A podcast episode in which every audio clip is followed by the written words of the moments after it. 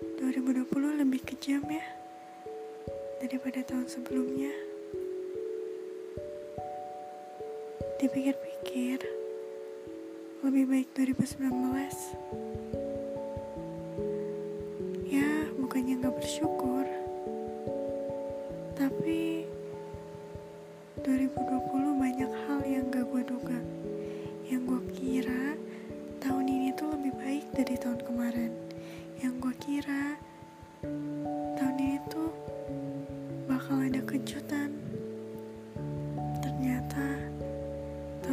Lebih sakit daripada 2019. Tahun ini bikin gue kehilangan diri gue sendiri. Kehilangan orang yang gue sayang. Kehilangan teman-teman gue. Tahun ini rancu. Bikin cemas. Bikin bingung. Banyak sakitnya. Dipikir-pikir lebih baik tahun kemarin. Di mana gue ngerasain sakit, bahagia, dipatahin, seneng, ada di atas, kemudian dijatuhin lagi. Siklus gitu di tahun kemarin bikin gue belajar kalau gue gak boleh lemah di tahun 2020. Tapi ternyata gue lemah di tahun 2020. Gue kehilangan diri gue. Oke, tahun ini bikin gue jadi diri gue sendiri. Tapi tahun ini gue gak bisa damai sama diri gue sendiri.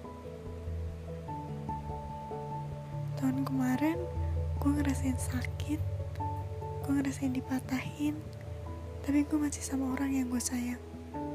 Sekarang gue sendiri. Tahun 2020 belum setahun, bahkan belum setengah tahun, tapi rasanya kayak udah setahun. Sakit banget. Gue bersyukur tahun 2019 ngajarin gue buat kuat. Tapi gue malah lemah. Gue gak tahu gue kenapa. Atau mungkin karena gue kehilangan diri gue. 2019 gue ada di diri gue yang emang diri gue tanpa pura-pura tanpa pakai topeng. Mungkin emang tahun kemarin banyak sedihnya. Banyak air mata yang gue keluarin. Hampir sama kayak tahun ini. Tahun ini lebih parah. Tahun ini bikin gue depresi. Bikin gue pengen mati. Bikin gue ngerasa gue sendiri padahal gue banyak orang yang sayang sama gue tapi hidup gak mungkin berhenti di sini.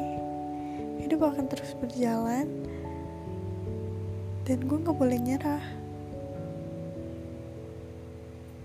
Atau mungkin 2020 adalah part 2 nya 2019